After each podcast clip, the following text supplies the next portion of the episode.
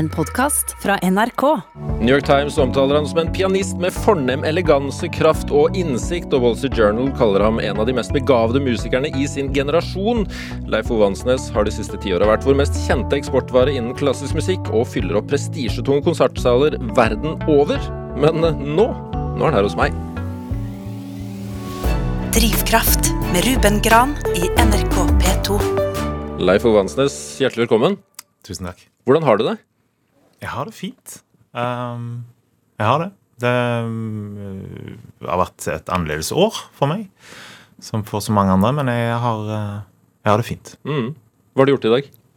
I dag har jeg stått opp på, på, på Hotell Bristol og gått og peka på den frokosten jeg ville ha. Uh, og det føles fint. Og det er fint å tenke på at Oslo åpner i dag. Mm. Jeg vil liksom merke det vibrere i byen. Jeg har, har, jeg har, ikke, jeg har ikke vært utafor uh, NRK Marienlyst. Er det, Koker det i Oslo nå? Ja, det var så merkelig. I går kveld så Jeg kom til Oslo i går. Jeg bor i Bergen. men kom til Oslo og, og jobba en del. og så skulle jeg ut og prøve å få en matbit i åttetiden om kvelden. Altså bare, bare noe takeaway. Og det var faktisk helt umulig. Jeg gikk på Aker Brygge, og, de, og flere av stedene der som så ut som de var åpne, sa at vi har stengt fordi i morgen åpner vi, så nå må vi forberede alt. Uh, så jeg måtte gå tilbake på hotellet og bestille room service, og så gå tilbake og jobbe litt uh, ja. til om kvelden. så det var en veldig spesiell stemning av at uh, det summa overalt, men ingenting var åpent. Sti, stille, litt stille før stormen ja. osv.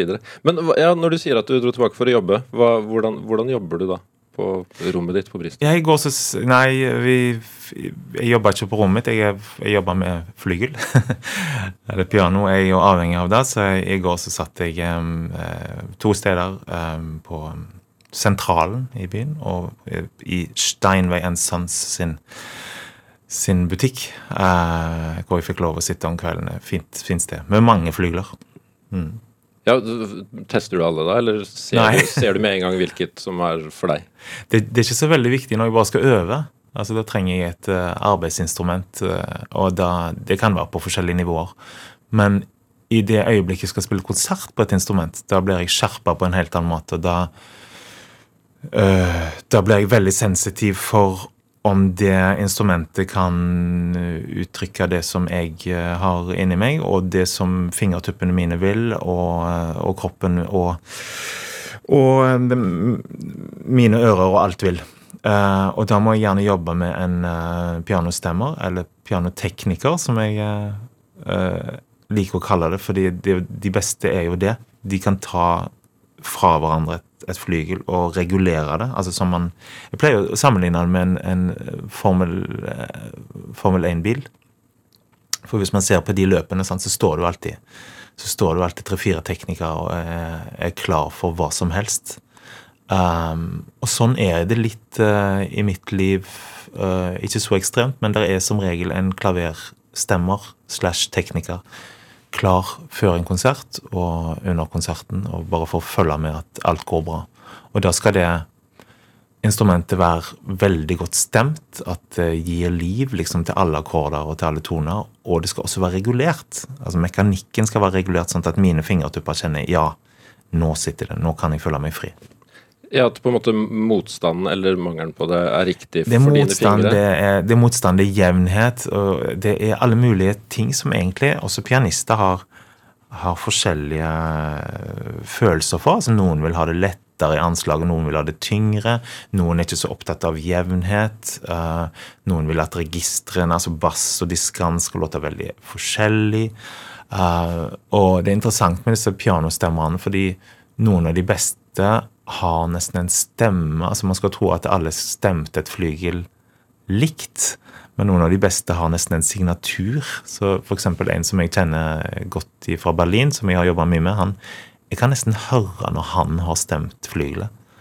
Altså Jeg føler han gir det et sånn eget liv, at det svever litt på at det er noe personlig. Det er nesten mystisk. Han, er, han blir en uh, artist, altså. Ja, ja, Er ikke en tone en tone? Nei, for en tone um, jo, en tone er en tone, men en tone settes sammen med en annen tone, og så får det forskjellige svingninger. og så uh, Det er jo der kanskje pianoet er litt spesielt også, fordi det blir en sånn verden i seg sjøl, hvor man skal, kan skape uh, så mye musikk og mange toner på en gang. Altså akkorder og store passasjer og, um, og ting. Og samklang, da. Og det er jo det som um, Det er jo der det begynner å leve. Altså Det er ingen forskjell om jeg går bort og spiller en A på et flygel, og du gjør det. Uh, så det er ingen forskjell. Men idet jeg vil sette den sammen med andre toner, uh, så vil jeg reagere i forhold til min erfaring og, og mine ører. Um, da begynner det å bli musikk. Da tipper jeg det høres helt annerledes ut enn når jeg gjør det. Du har jo jeg holdt på å si, valgt å satse på musikken, for å si det mildt. Var det noe tidspunkt i, i livet ditt jeg regner med det var ganske, hvor du liksom bestemte deg for at nå, nå skal jeg satse? Um, det det her jeg syns det er et vanskelig spørsmål å svare på. Jeg tror jeg var 13-14 år og hadde et par opplevelser av um, å spille noen konserter. Og så jeg var med på noen ungdomskonkurranser. Um, eller barnekonkurranser. Uh, jeg er fra Karmøy. Uh, der var det Det var ingen profesjonelle musikere rundt meg. Altså Mine foreldre er amatørmusikere og, og spilte piano, men men jeg hadde ikke noe miljø, så for meg var det utrolig viktig med de der eh, sånn, nasjonale konkurransene som jeg var en del av tre-fire ganger, fire ganger. Um, og når jeg var um, 13-14, så kjente jeg at jeg liksom jeg kunne kalibrere meg i forhold til det nivået som fantes. og det var utrolig inspirerende for meg å møte andre barn uh, og høre andre barn som drev på med det samme.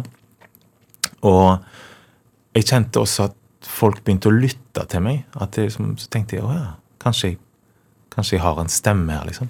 Men allerede fra jeg var ni-ti år gammel, så når jeg satt med flygel, så kjente jeg at dette var mitt sted. Jeg hadde noen sånne Jeg kan nesten se det for meg. Noen sånne jeg tror det var sånn jule-nyttårstid. Um, hvor hele familien var ute. Det var ganske mørkt, og jeg satt med flygelet og um, bladspilt, Altså bare satt opp noen noter foran meg som jeg aldri hadde spilt før. Noen lette stykker, om det var noe Grieg eller Chopin, eller jeg husker ikke hva det var.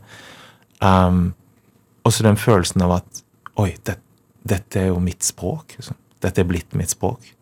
Um, for det, jeg begynte å spille piano når jeg var fem, men det tok noen år selvsagt før jeg liksom kom til det nivået hvor jeg kunne lete meg fram til akkorder og, og, og tenkte at her kan jeg Dette kan jeg kommunisere. Um, jeg var en ganske beskjeden gutt som, som plutselig kjente at her var en kanal. Så du prata med, med, med fingrene, nærmest? Ja.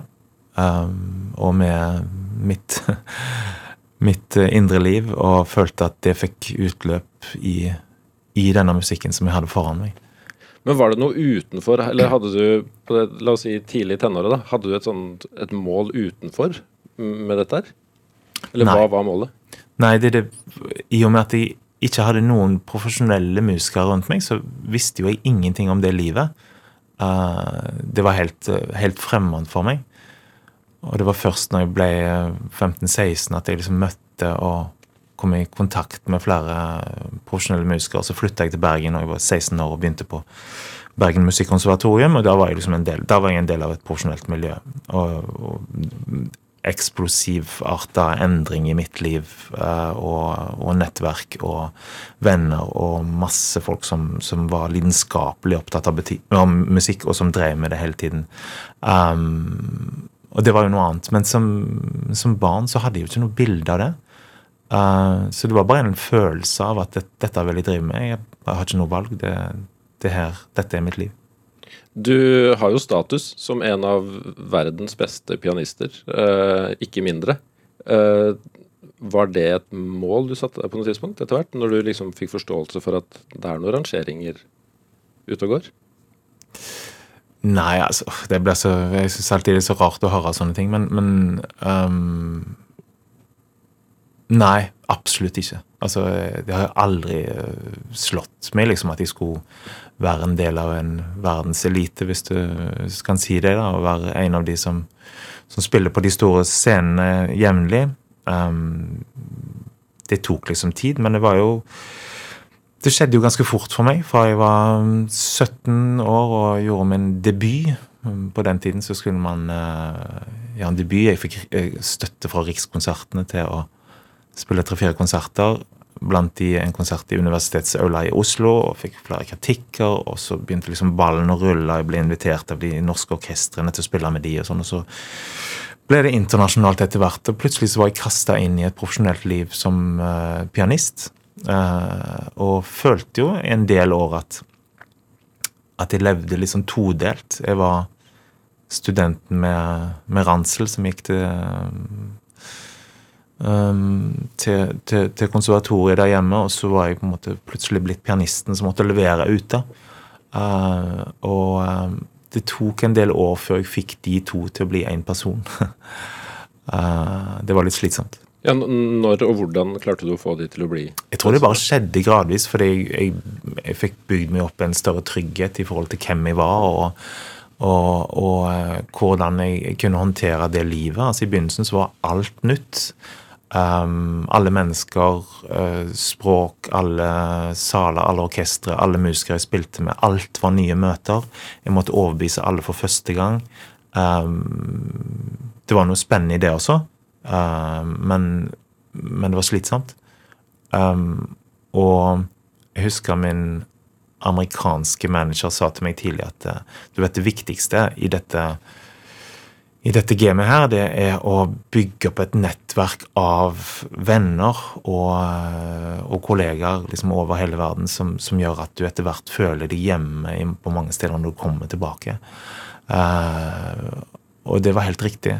Det tok noen år, og så kjente jeg at ja, men nå er jeg tilbake i Los Angeles. Her har jeg vært. Her liker, jeg liker jo å spille i den salen. Jeg kjenner jo pianostemmene. Jeg kjenner de der som jobber i orkester. Jeg, kjenner noen musikere. Jeg, uh, jeg har gått på noen restauranter, jeg kan, eh, og jeg liker jo egentlig å være her. Jeg liker å jobbe her. Um, dette er et bra sted å være.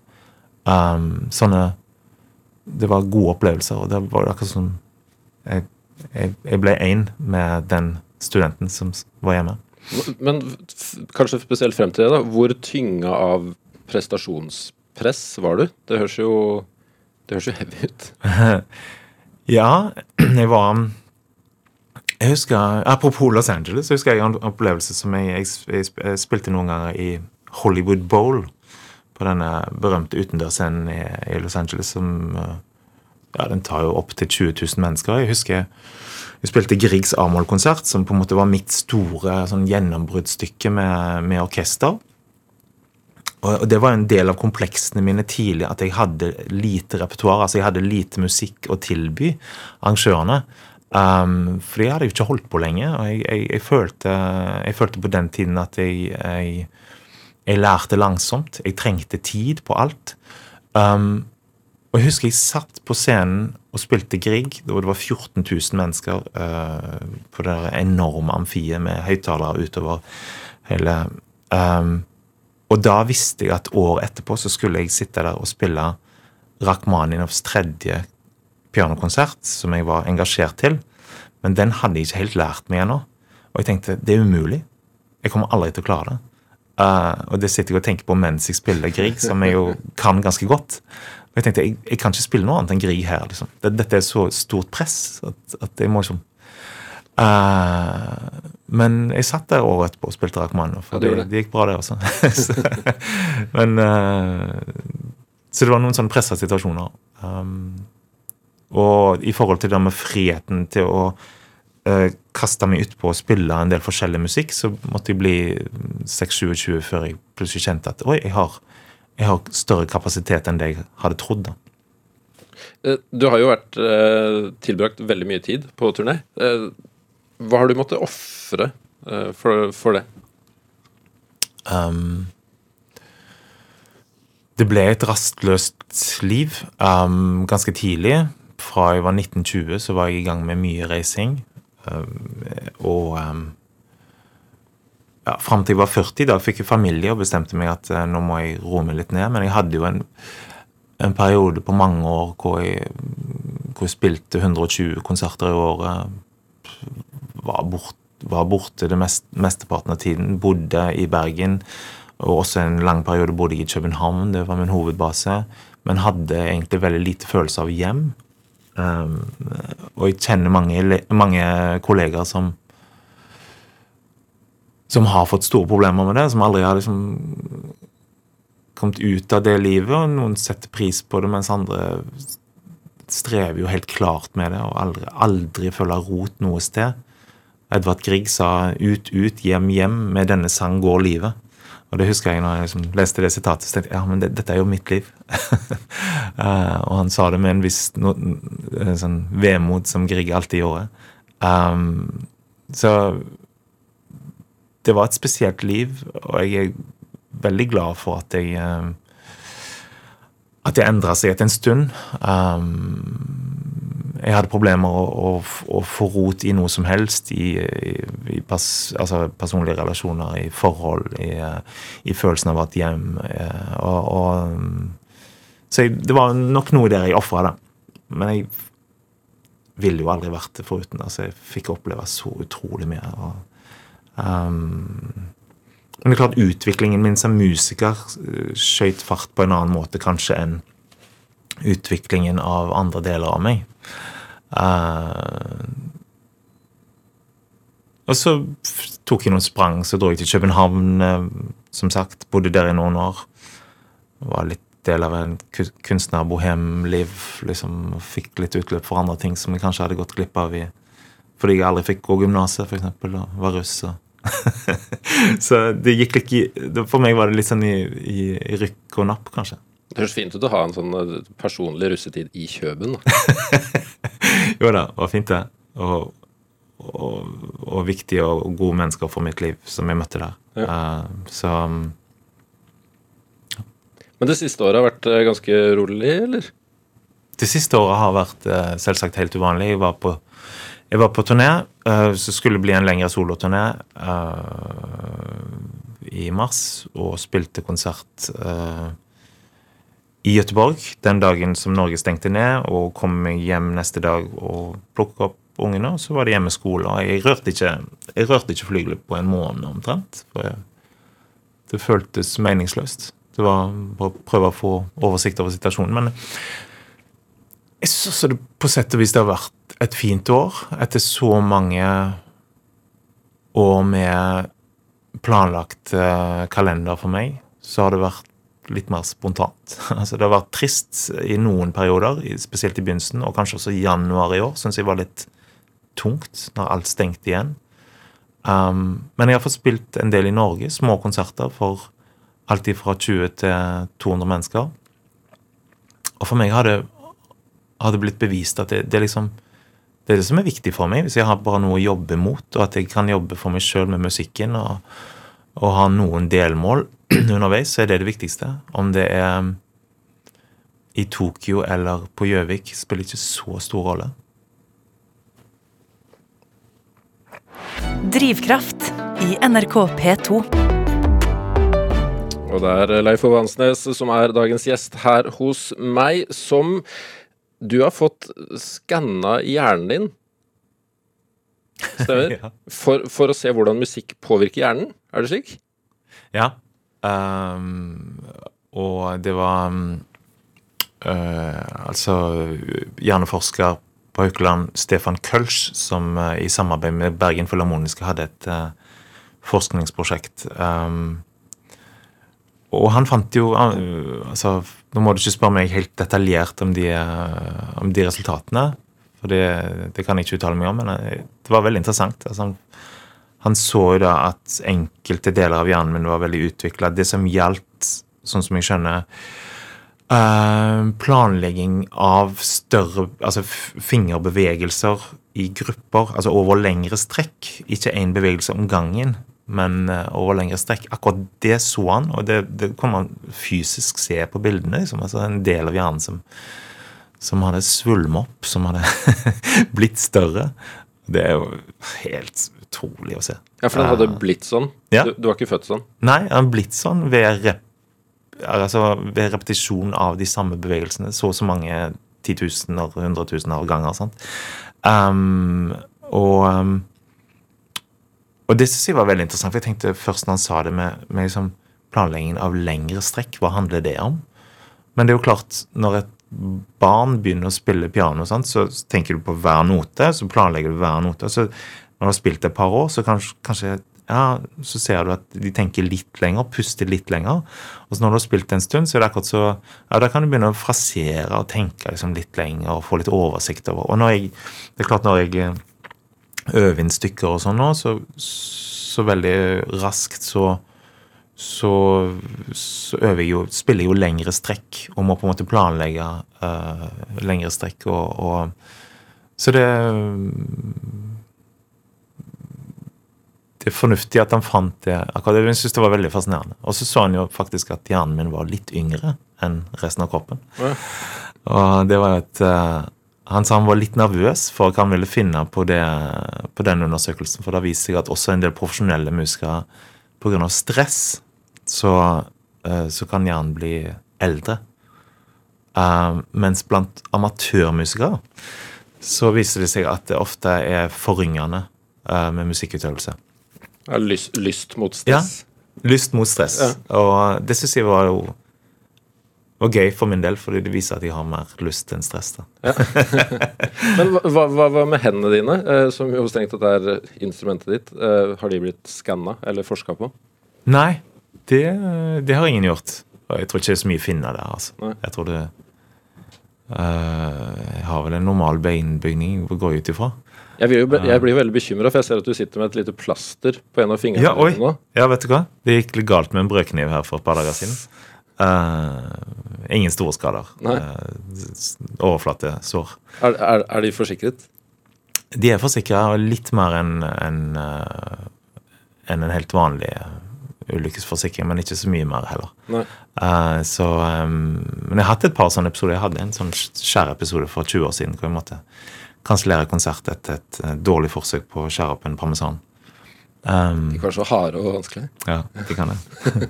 Men er det, er det ting du unngår å gjøre i, i frykt for å skade henne? Lite grann. Uh, altså, jeg vil ikke gå i gang med basketball eller Aldri vært glad i eh, alpinkjøring og Men altså, jeg, jeg, liksom Jeg um, tenker ikke noe særlig på det. Jeg tror Idet du begynner å tenke for mye på det, så går det galt. Hvor eh, jeg holdt på å si, handy er du utenfor tangentene? Veldig litt, ja, veldig dårlig. Altså elendig. Uh, og det er nok fordi jeg alltid slapp å gjøre ting fra jeg var liten, også fordi Leif Ove må øve, var det liksom gjennomgangsmelodien. Så jeg har, jeg har liksom alltid trukket meg tilbake til. Men eh, Så jeg har liksom ikke fått oppøvd noen interesse for eh, som handyman heller. Så jeg er veldig glad for å ha mennesker rundt meg som er mye bedre på det enn meg. Så det er veldig greit at du holder deg unna spiker og hammer, f.eks. Veldig, veldig veldig greit. Ja. All verktøy overlater jeg til andre. Men på kjøkkenet er jeg, og det er kanskje derfor det går litt galt innimellom, jeg er litt ivrig på kjøkkenet. Men, men har det vært noe punkt i livet Du, du nevnte at du, du hadde skåra deg litt, hvor du, hvor du ikke har hatt mulighet til å spille i en periode? Ja. Jeg ehm, fikk eh, for et par år siden for første gang Jeg har hatt forskjellige symptomer. altså Det viser seg jo at eh, de aller fleste musikere i løpet av en, eh, et liv får belastningsskader. Um, I perioder. Og jeg har nå hatt mine symptomer og sånn, men det har aldri egentlig gått så langt at jeg ikke kunne spille konserter. Um, Fram til for to år siden. Da fikk jeg senebetennelse i høyre albu. Uh, og um, var skikkelig satt ut og lurte på om jeg hadde noen framtid. uh, om jeg hadde noe å rutte med. For det fins mange skrekkeksempler på, på senebetennelsehistorier. Og at man liksom Det er vanskelig å komme tilbake. Det ble en kronisk uh, greie. Så jeg eh, oppsøkte jo det det fantes av hjelp, og har fått eh, etter hvert helt veldig mye ny kunnskap om anatomi av hendene. Eh, ikke bare av hendene, men av hele kroppen, egentlig. Og hvordan alt ifra sittestilling til hvordan jeg bruker fingermuskulatur, påvirker dette kretsløpet som jeg er så avhengig av. da. Så alt i alt nå så er jeg faktisk glad for at det skjedde, fordi jeg har fått ny kunnskap om det. Og det var kanskje på tide når jeg begynte å nærme meg 50, at jeg begynte å lære litt om anatomien til de eh, hendene som jeg er helt avhengig av. Og jeg tenker at eh, det burde være en eh, altså, virkelig en mye viktigere del av en, en musikerutdannelse. Ja, hva, hva er det du har lært? Jeg har lært uh, forskjellige ting som at, uh, at selve fingermusklene kan, kan, jobbe mye mer enn det jeg gjorde. Altså, jeg, tenkte mye mer på avslapping i, i selve hånden, men da, men da, får man kanskje støt i selve albuen. Så det, det, er veldig mange ting. Og, og, jeg sitter på en helt annen måte. Jeg, jeg, har, uh, ja, jeg har, mye mer kontakt med stolen, med sitteknuter, med Jeg ser jo nå, hvis jeg ser på, på, på bilder av meg sjøl for noen år siden, så ser jeg men jeg satt jo med, med Det var ingen jeg forstår godt at jeg hadde mye problemer med korsryggen. sant, fordi jeg, uh, på måten jeg satt på, Så jeg har blitt bevisst på så mange ting i løpet av denne prosessen. da. Men hvordan var det å kjenne på Du nevnte at det kunne være at du ikke fikk spille igjen. Hvordan var det å kjenne på det? Det var helt forferdelig. Jeg syns det var um, um, Det var nok det tyngste i hele liksom, mitt musikalliv. Akkurat de par månedene der hvor jeg følte meg helt på bar bakke. Eh, fordi man blir så passifisert, og man blir så redd for å gjøre ting. Eh, og du blir fortalt at ja, du kan gjøre små øvelser sånn og sånn og sånn, fordi uh, det er viktig med blodsirkulasjon i området, men du må være veldig forsiktig. Um, så i begynnelsen så tenkte jo jeg at ja, men da, da kan jeg ikke spille. Altså Og da går det utover ja, altså alt, alt, i mitt liv er liksom bygd på det at jeg skal være i kontakt med instrumentet hver dag. Det er et sånn fysisk behov jeg har også. Um, så, så jeg syns det var grusomt, rett og slett. Um, men jeg gikk jo innom tanker på en måte som, som også Hvordan ville livet være helt uten å kunne gjøre det jeg gjør? Jeg har jo alltid tenkt at det var umulig. Men jeg ser jo at det går for andre som kanskje blir syke på en eller annen måte og ikke, ikke kan gjøre det, må finne på andre ting. Og, um, jeg kom vel til at uh, det kunne ha vært en mulighet. Jeg kunne ha gjort noe annet. Jeg må produsere noe. Ja, Hva skulle du gjort, da? Uh, jeg vet ikke. Um, som en del av mitt musikerliv så har jo jeg uh, også lagd festival i mange år. Jeg, jeg er kunstnerisk leder for Rosendal Kammermusikkfestival, som jeg har hatt en del år. Men siden jeg var 22, så var jeg eh, i Risør. I Risør Kammermusikkfest, som, en, eh, som fremdeles eh, eksisterer som festival. Og jeg har elska å sette sammen programmer og liksom skape et produkt på den måten der. Og sette sammen musikere og lage et smart program som gjør at folk kan oppleve å få åpne ørene sine og få en slags kunnskap og en fordypning og bli nysgjerrig og har blitt så utrolig glad for den responsen. da liksom Folk som ikke hadde noe særlig forhold til, til musikken min, kom og sier at jeg vet hva, jeg var helt oppdaga Sjostakovitsj eller Brahms eller hva det nå skal være. liksom, altså, ja, og, um, og så det jeg har vært så glad i den der kuratorrollen. Den har liksom blitt en del av livet mitt. Så noe sånt, altså kunstformidling på et annet sett, kunne vært en del av Og er en del av, av min aktivitet da, som musiker. Det, det, det, føles som det er en, en integrert del av ønsket mitt om å dele musikken. Ja, ser du for deg at det er noe du kan falle tilbake på dersom Nei, jeg gjør ikke det. For det er musikken som er der, først og fremst. Og, og festivalarbeidet er en liten del av min aktivitet. Um, og jeg har, jeg har ikke lyst til å sitte foran laptopen. Jeg har lyst til å sitte foran flygelet. Det, det, er der jeg er hjemme. Jeg er liksom avhengig av å ha kontakt med det musikalske språket, da, uh, føler jeg. Så det ville vært kjempe kjempestort sprang. Ja. og måtte, Men, men, jeg, men jeg, nå tenker jeg på liksom situasjonen hvis jeg måtte slutte, hvis jeg ikke hadde noen annen mulighet, så, så tror jeg at det, var der jeg, der jeg ville ende. da, i sånn kulturformidler på en annen måte. Mm. Nei, for, for, for jeg, mener, jeg, mener, ikke å være negativ her, men jeg tenker at når du er på det nivået du er, altså hvor, hvor mye bedre kan du bli? Altså Når, når piker man som, som pianist i verdensklasse? Ja, Det er veldig vanskelig å si. Altså, noen av de mest legendariske konsertene av noen av de store pianistene har vært når de har vært i 80-årene. Altså. Men det er jo gjerne også fordi det ble, det ble jo helt som man ble helt legende når man holder på eh, Arthur Rubenstein spilte, var nesten blind. Han var 92 år, sant? til filmens berømte opptak. som Han spilte store stykker og, og, og flott. Og, men det er klart um, det er jo fysisk krevende. Man skal ha en veldig god teknikk, og man skal ha fysikk som holder. Um, så det er veldig vanskelig å si. Noen er best når de er 16, andre når de er 70. Uh, jeg håper å kunne holde på lenge. Um, og jeg syns jo det er noe av det fine med min musikk, at mange musikere har lange karrierer. Uh, jeg husker jeg så en, en en fin pianist som hadde masterclass, altså et kurs, som, som sa til alle studentene når når de var ferdig I wish you a long career. sa Han til dem. Han sa ikke 'great career', han sa ikke 'big', men han sa 'long'. Og det, det tenker jeg er noe veldig fint, da, for det, det, er så mye i vår tid som dreier seg om resultater her og nå. Utbytte. Uh, hva får vi ut av situasjonen? Hvordan kan vi utnytte dette, dette øyeblikket, liksom?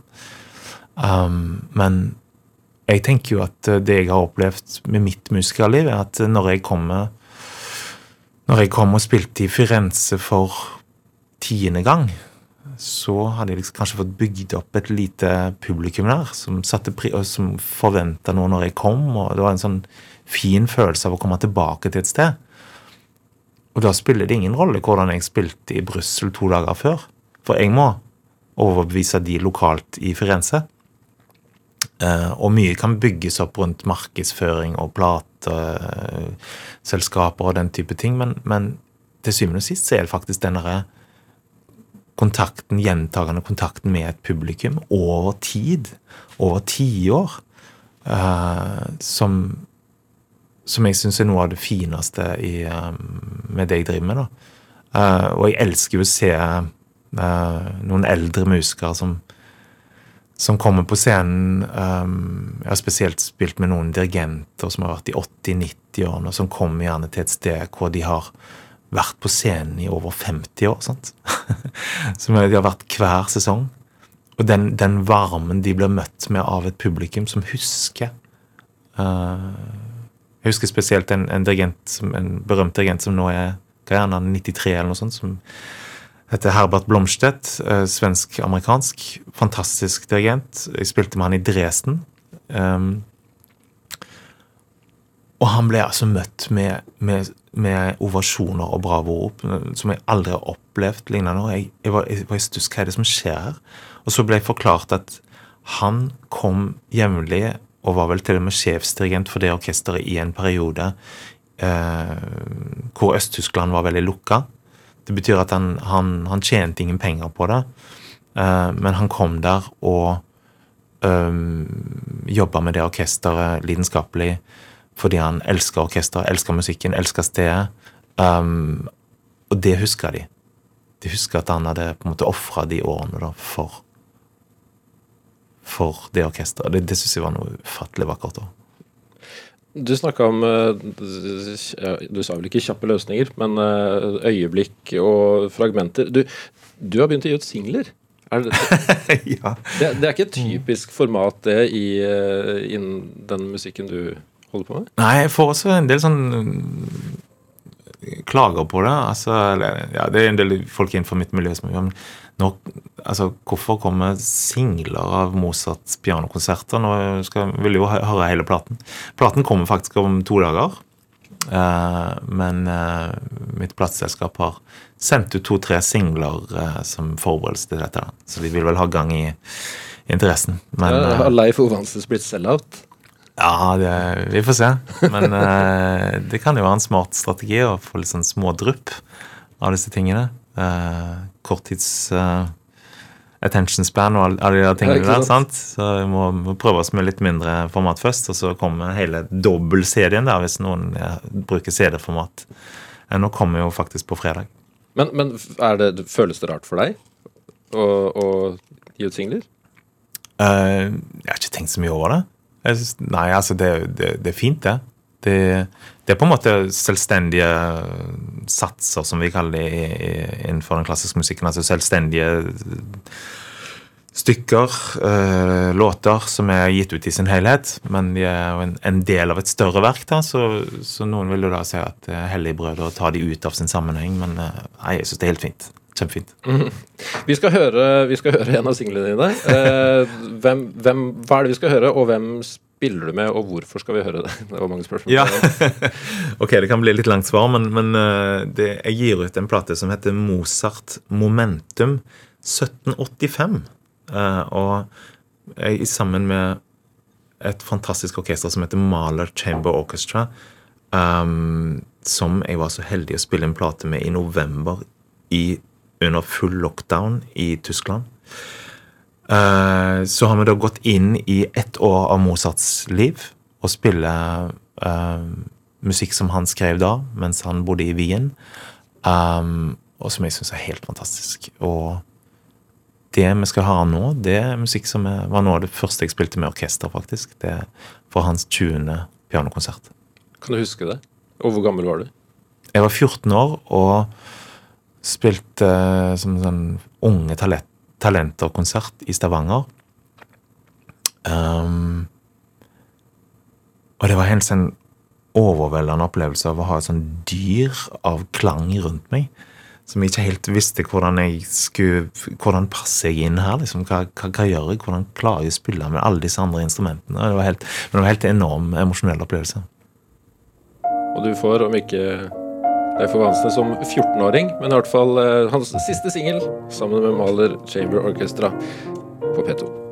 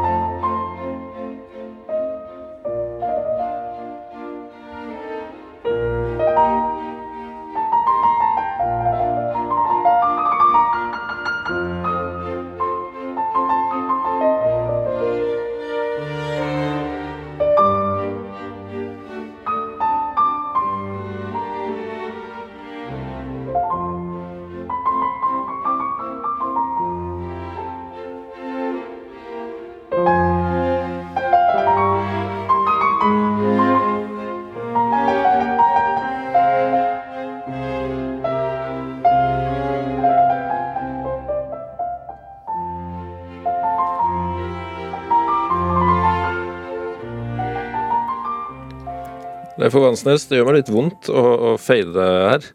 Men siden du gir ut singler, så godtar du vel bruddstykker? eh? Ja da, jeg har ingen problemer med det. Nei. Det går fint. Du hører på Drivkraft her i P2, hvor altså Leif Ove Hansnes er, eh, er dagens gjest. Eh, Hvem er, hvem er Mozart for deg? Hæ. Jeg spilte Mozart veldig tidlig. Han er gjerne en sånn eh, komponist som også barn spiller.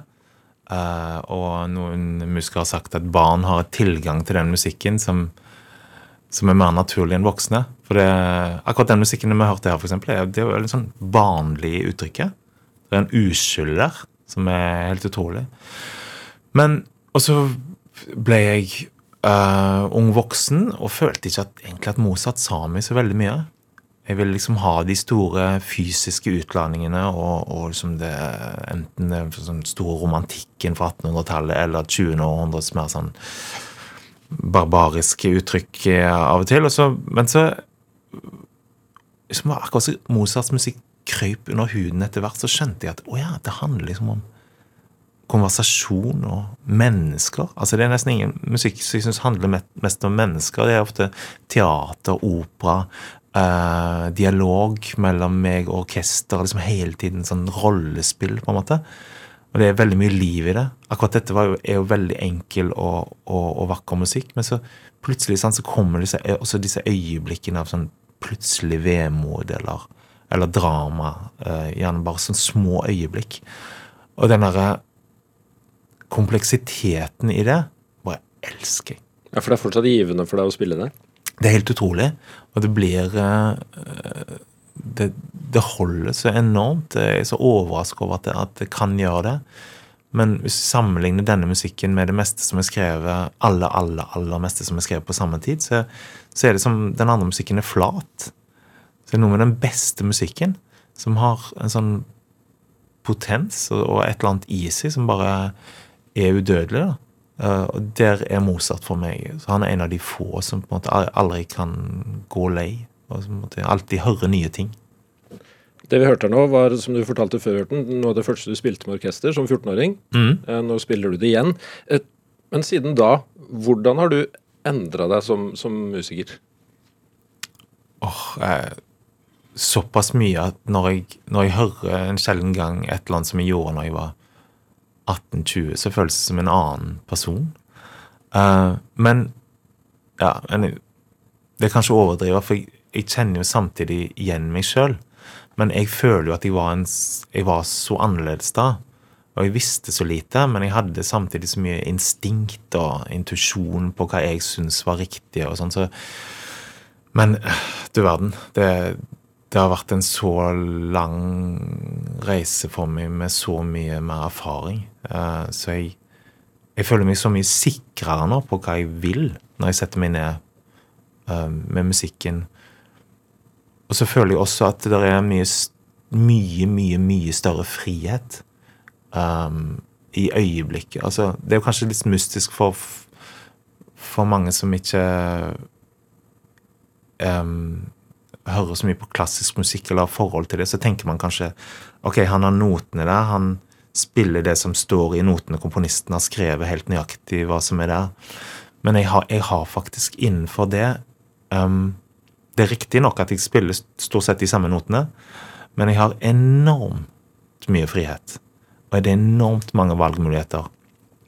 Alle mulige parametere er fra liksom, hvor raskt skal man spille, hva er de, de dynamiske tingene, det klanglige, samklangen, liksom alle tingene som Det er så mange ting som jeg eh, Jeg føler jeg er eh, så mye sikrere på i dag enn jeg var. Um, så det er rart å høre den unge eh, pianisten av og til, sånn som jeg var. Men eh, kan også være gøy å høre hvor mye vilje det var bak, eh, bak det jeg ville. Jeg var litt sånn Ja, jeg ville Jeg var ambisiøs. Altså, jeg ville liksom prestere. Jeg kjenner igjen Jeg hadde jo litt sånn og tenkte litt på det i siste, ser det igjen i sønnen min, som er fotballgal, liksom opptatt av idrett. og Jeg var også det når jeg var i den alderen. Og, og tenker at det var en Det er liksom dette å prestere. Og utviklingen, treningen, liksom fram mot konserten, og konserten som, som eh, maratonløpet, da. Men hva vil du si Det er interessant at du sier at du, du kan kjenne igjen deg selv i de gamle opptakene men hva, hva vil du si er ditt kjennetegn som musiker? Eller din, hva er din egenart? Fryktelig vanskelig å, å se seg sjøl utenfra. Um, jeg føler at når det fungerer, så føler jeg at jeg forteller en historie som Som folk kan følge. Um, for meg tror jeg at, at, min følelse når jeg sitter der og, og, spiller musikken, så er det like konkret som det vil være for en skuespiller å, å lese på en tekst eller gjøre en rolle. Altså For meg er musikken så konkret. Og det betyr ikke at jeg setter bilder eller ord på musikken. At jeg nødvendigvis ser for meg historier konkrete historier, men den er, den er, et konkret språk. Musikken har sine, sin spenning i harmoniene, den har sin suggererende rytme. Um, den har melodier som går opp og ned, som er liksom retorisk som et språk. Så um, Ja, den er, den er, den er et, et, et, et, konkret språk for meg, da. Mange lurer jo på, eller har jeg blitt fortalt, og det er om du hører på annet enn klassisk musikk. Gjør du det? Ja, litt. Uh, og jeg har gode venner som driver med annen slags musikk også, og jeg har veldig respekt for, for det. Men det er klart den klassiske musikken har tatt Den tar det meste av av min oppmerksomhet og min interesse. Og så er jeg jo litt Jeg skulle sånn ønske at vi hadde forskjellige uttrykk for den klassiske musikken, fordi det er for, altfor stort begrep. Uh, fordi det dreier seg tross alt om 300-400 år med musikk. uh, så jeg driver med så ufattelig mye forskjellig musikk. Og ikke bare jeg, men det fins så mye klassisk musikk som jeg ikke driver med. Uh, som er, er, helt annerledes. Så det burde vært delt opp i, i mange delsjanger, egentlig. og så det med klassisk høres jo litt sånn musealt ut også. Uh, det er jeg ikke så glad i. Skulle ønske vi hadde et mer um... Det er jo gamle komposisjoner. Ja, ikke, ikke bare det. Det er ny, ny, musikk også. Men jo, det er, det er, jo Men hele poenget mitt er jo at et stykke av Beethoven i dag kan føles mer aktuelt enn det meste som er skrevet i dag. Så, så, jeg vil jo at dette skal være um, Dette skal være levende um, formidling. Ja, hva kan vi gjøre med det for å få utvida altså, Det er jo ja, orda hvordan kan vi få ut, utvida Nei, jeg vet ikke. Det har blitt uh, satt seg som en sjanger, klassisk musikk. Men det, det er noe sånn. Men jeg tror vi må, vi må, i hvert fall kommunisere musikken. Um, jeg tror vi må snakke om det. Altså Apropos den sånn kuratorrollen som jeg snakka om tidligere. Jeg, jeg føler jo Musikere må få lov å være musikere, og det er mange som ikke er bekvemme med å snakke om musikk. Det er vanskelig å snakke om musikk. Um, men jeg tror vi må gjøre det, for det, det, hvordan ellers kan man nå ut der? Um, musikken fins knapt i skolen lenger. Det er en skandale. Um, det er veldig få mediekanaler som i hvert fall formidler noe om min musikk. altså man må, Enten er man interessert og går liksom nisjeaktig inn og, og, oppsøker det man kan finne, og da finner man utrolig mye. Og det er mange som er for så vidt som er interessert i klassisk musikk. Men for å nå ut der og få fortalt liksom folk at uh, kan det være noe som du går glipp av, faktisk. Altså Noe som kan være interessant for deg. Åpne ørene for dette, så, så tror jeg vi må, vi må liksom gi, uh, gi folk uh, lytteknagger. Hvis jeg går inn uh, på en utstilling og får en kunstner eller en kurator eller noen, en eller annen kyndig til å fortelle meg at jo, lyset faller på det maleriet på den og den måten, og derfor gir det sånn og sånn effekt, eller uh, sånne sånn maleriske uh, kvaliteter har dette bildet, så, så, gir det meg en enorm opplevelse. Jeg elsker den der um, fordypningen i, uh, i, et språk som jeg vet lite om. Og det tenker jeg at det må vi også prøve å formidle med musikken. Det er lettere vet du, å se på Euro Eurovision enn å sjekke ja. når Chopin. Så du ja. på Eurovision-finalen? Jeg skulle gjerne blitt fortalt litt om, om hvordan folk hadde tenkt om diverse, diverse sanger der. Og ja, faktisk. Eh, jeg har jo barn uh, som, uh, som er veldig opptatt av dette. Så jeg ble sittende og se i hvert fall deler av den konkurransen. Og jeg tenkte faktisk er ikke dette blitt litt mer interessant enn det var da? For altså, det er lenge siden jeg har fulgt med på dette her. Men um, jeg syns det var noen liksom forfriskende, annerledes sanger. Det er kanskje at det har kommet med så mange så mange av disse um, sovjetrepublikkene og sånn etter hvert som liksom gir, gir et helt annet, mye, mye mer mang, mangfoldig bilde enn den litt sånn streamline-popen som det var for kanskje 15 år siden. Tenkte jeg. Så jeg, jeg syns det var litt stilig med russisk feminisme og en sånn ukrainsk låt som var litt sånn halvstrupesang med noen folketoner. Spacer. Er space, jeg syns den var veldig morsom, da. Uh, Ja, så- du, fikk du en favoritt i løpet av kvelden? jeg hørte, jeg hørte kanskje sju-åtte låter. Og jeg, Uh, nei, altså mine Jeg var jo enig med, med mine barn i at Malta var, var, var bra. Hun var bra. Ja. Uh, men liksom Men av de litt mer sånn spacer, så likte jeg den der ukrainske. Men hvordan, når du ser og hører på det, hvordan lytter du da? Lytter du på samme måten som når du hører på såkalt klassisk musikk? Nei. Det er noe helt annet. Um, jeg, jeg, jeg, klarer knapt å finne knagger, på en måte. Jo da, det er klart jeg lytter jo på liksom en prestasjon. Altså, synge, er, synges det bra her? Er det, øh, er det ureint, eller er det liksom altså, og Formidles det liksom levende og sånt? Men det, det er jo en helt annen sjanger, på en måte. Så jeg, jeg har ikke de samme knaggene i det hele tatt. Og jeg, jeg savner ofte knagger for det. Jeg skulle gjerne snakke med noen som som har eh, Som kunne fortalt meg hvordan, hvordan tenker man, hvordan bygger man opp en låt sånn på den måten. Det er ikke mitt språk i det hele tatt. Nei. Hvor viktig er alvor for deg som, som musiker? Veldig viktig. Um, jeg tror fra jeg var liten, så har jeg kjent på at det jeg vil, det er å bevege folk med musikken min. Verken mer eller mindre. Altså at eh, det må skje det må, det må få en indre opplevelse av noe som er større enn seg sjøl. Um, det er store ord, men det er det som er målet mitt. Og allerede når jeg var ti-tolv år og ble bedt om å spille i familieselskap, så ble jeg eh, husker jeg en gang jeg ble skikkelig forbanna fordi eh, det var mye uro, og det var barn som begynte å danse og sånn jeg spilte. og Da bare gikk jeg derfra. Det ga jeg ikke.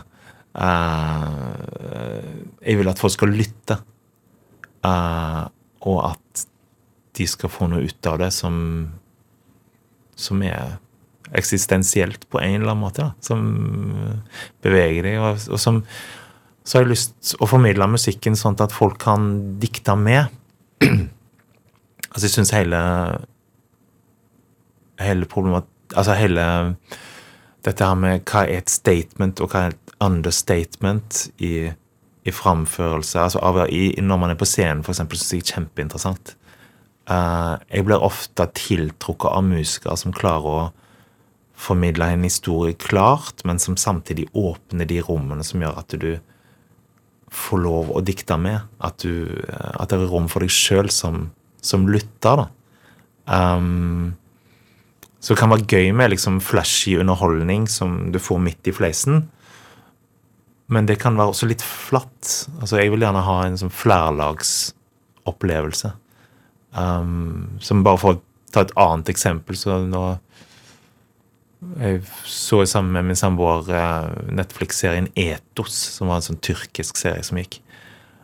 Og utrolig lenge siden jeg har sett film som som var eh, med så mange løse tråder som gikk opp i etter hvert, og med la, utrolig vakker, langsom filming og utrolig original historie og sånn, som gjorde at jeg fikk lov til å være med og dikte med historien.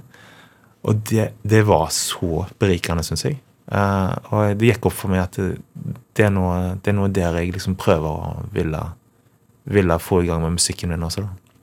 Blir du beveget selv mens du spiller noen gang?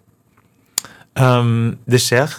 Um, og um, Men det, det er noe riktig at um, det, det er ikke meg som skal, som skal felle en tåre over, over, over min egen utøvelse. Det er publikum som skal altså man, man, man spiller ikke bedre når man uh, når man blir bevega av sin uh, egen musikk, nødvendigvis. altså. Nei, men det sier jo at det er kraft det, det, det sier jo noe om hvor kraftfullt det Ja. kan være, da. Men, det, men det, er jo, det er jo sjelden at jeg liksom blir på gråten av eget spill, tross alt. altså Det får være grenser for men, men, men det er øyeblikk av og til uh, som er så intense, og hvor du plutselig bare kjenner Oi, nå, nå skapes det noe her. Altså Nå, nå, opp, nå ble det åpna en ny dør. liksom Dette har jeg ikke opplevd akkurat med den musikken. Og da, da kan jeg få sånn gåsehud liksom, i små øyeblikk. Men det er jo klart, jeg er, jeg er så konsentrert i min oppgave, tross alt, så jeg, jeg blir sjelden helt sånn satt ut av det. Um, Ja, hvor mye reflekterer du mens du spiller en konsert? det er De beste konsertene syns jeg uh, Da har jeg et enormt fokus og et sånn flow, hvor ting bare skjer. Jeg tenker ikke Jeg, jeg tenker ikke så mange konkrete tanker. Um, fysisk så har jeg en enorm frihet med instrumentet. Jeg tenker ikke på hindringer, liksom. Um, og så um, Så det det vil selvsagt være sånn tenkeknagger på en måte underveis. At ok, nå er jeg der, nå skal jeg der. altså sånn En eller annen bevissthet har man jo altså i, i form av tanker, men tanker er jo for langsomme. altså Når jeg sitter og spiller mine stykker, så kan ikke jeg tenke hva er den neste tonen. Da er, da er, den, eh, da er jeg for langsom. Da jeg for sein. Eh, Så det er en sånn merkelig, fascinerende, mm, tankeløst fokus som jeg må ha. da. Spiller du feil noen gang? Ja, mange ganger. Eh, men eh, forhåpentligvis sånn, stort sett sånn småfeil som ikke så ofte publikum oppfatter. Men feil er jo er jo ikke alltid det viktigste heller. Nei, Selv om det er lett å si det, og så blir jeg jo sur hvis jeg spiller feil. det det. Men det er jo, formidlingen er jo tross alt viktigere enn en, om det er helt de riktige notene alltid. Hva er eh, drivkraften din? musikken. Det er selve musikken. Det er mange andre ting som er morsomt og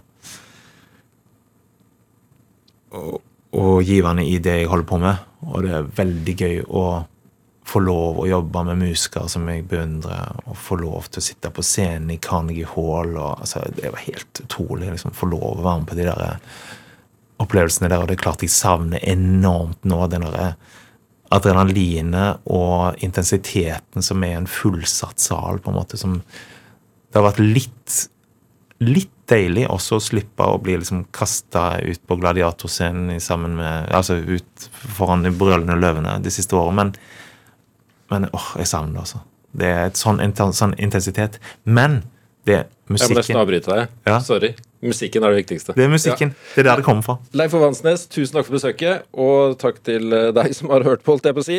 Produsent har vært Kjartan Aarsand, Julia Martincic har bidratt også, Anne Sofie Stang. Ha det godt. Du har hørt en podkast fra NRK. Hør flere podkaster og din NRK-kanal i appen NRK Radio.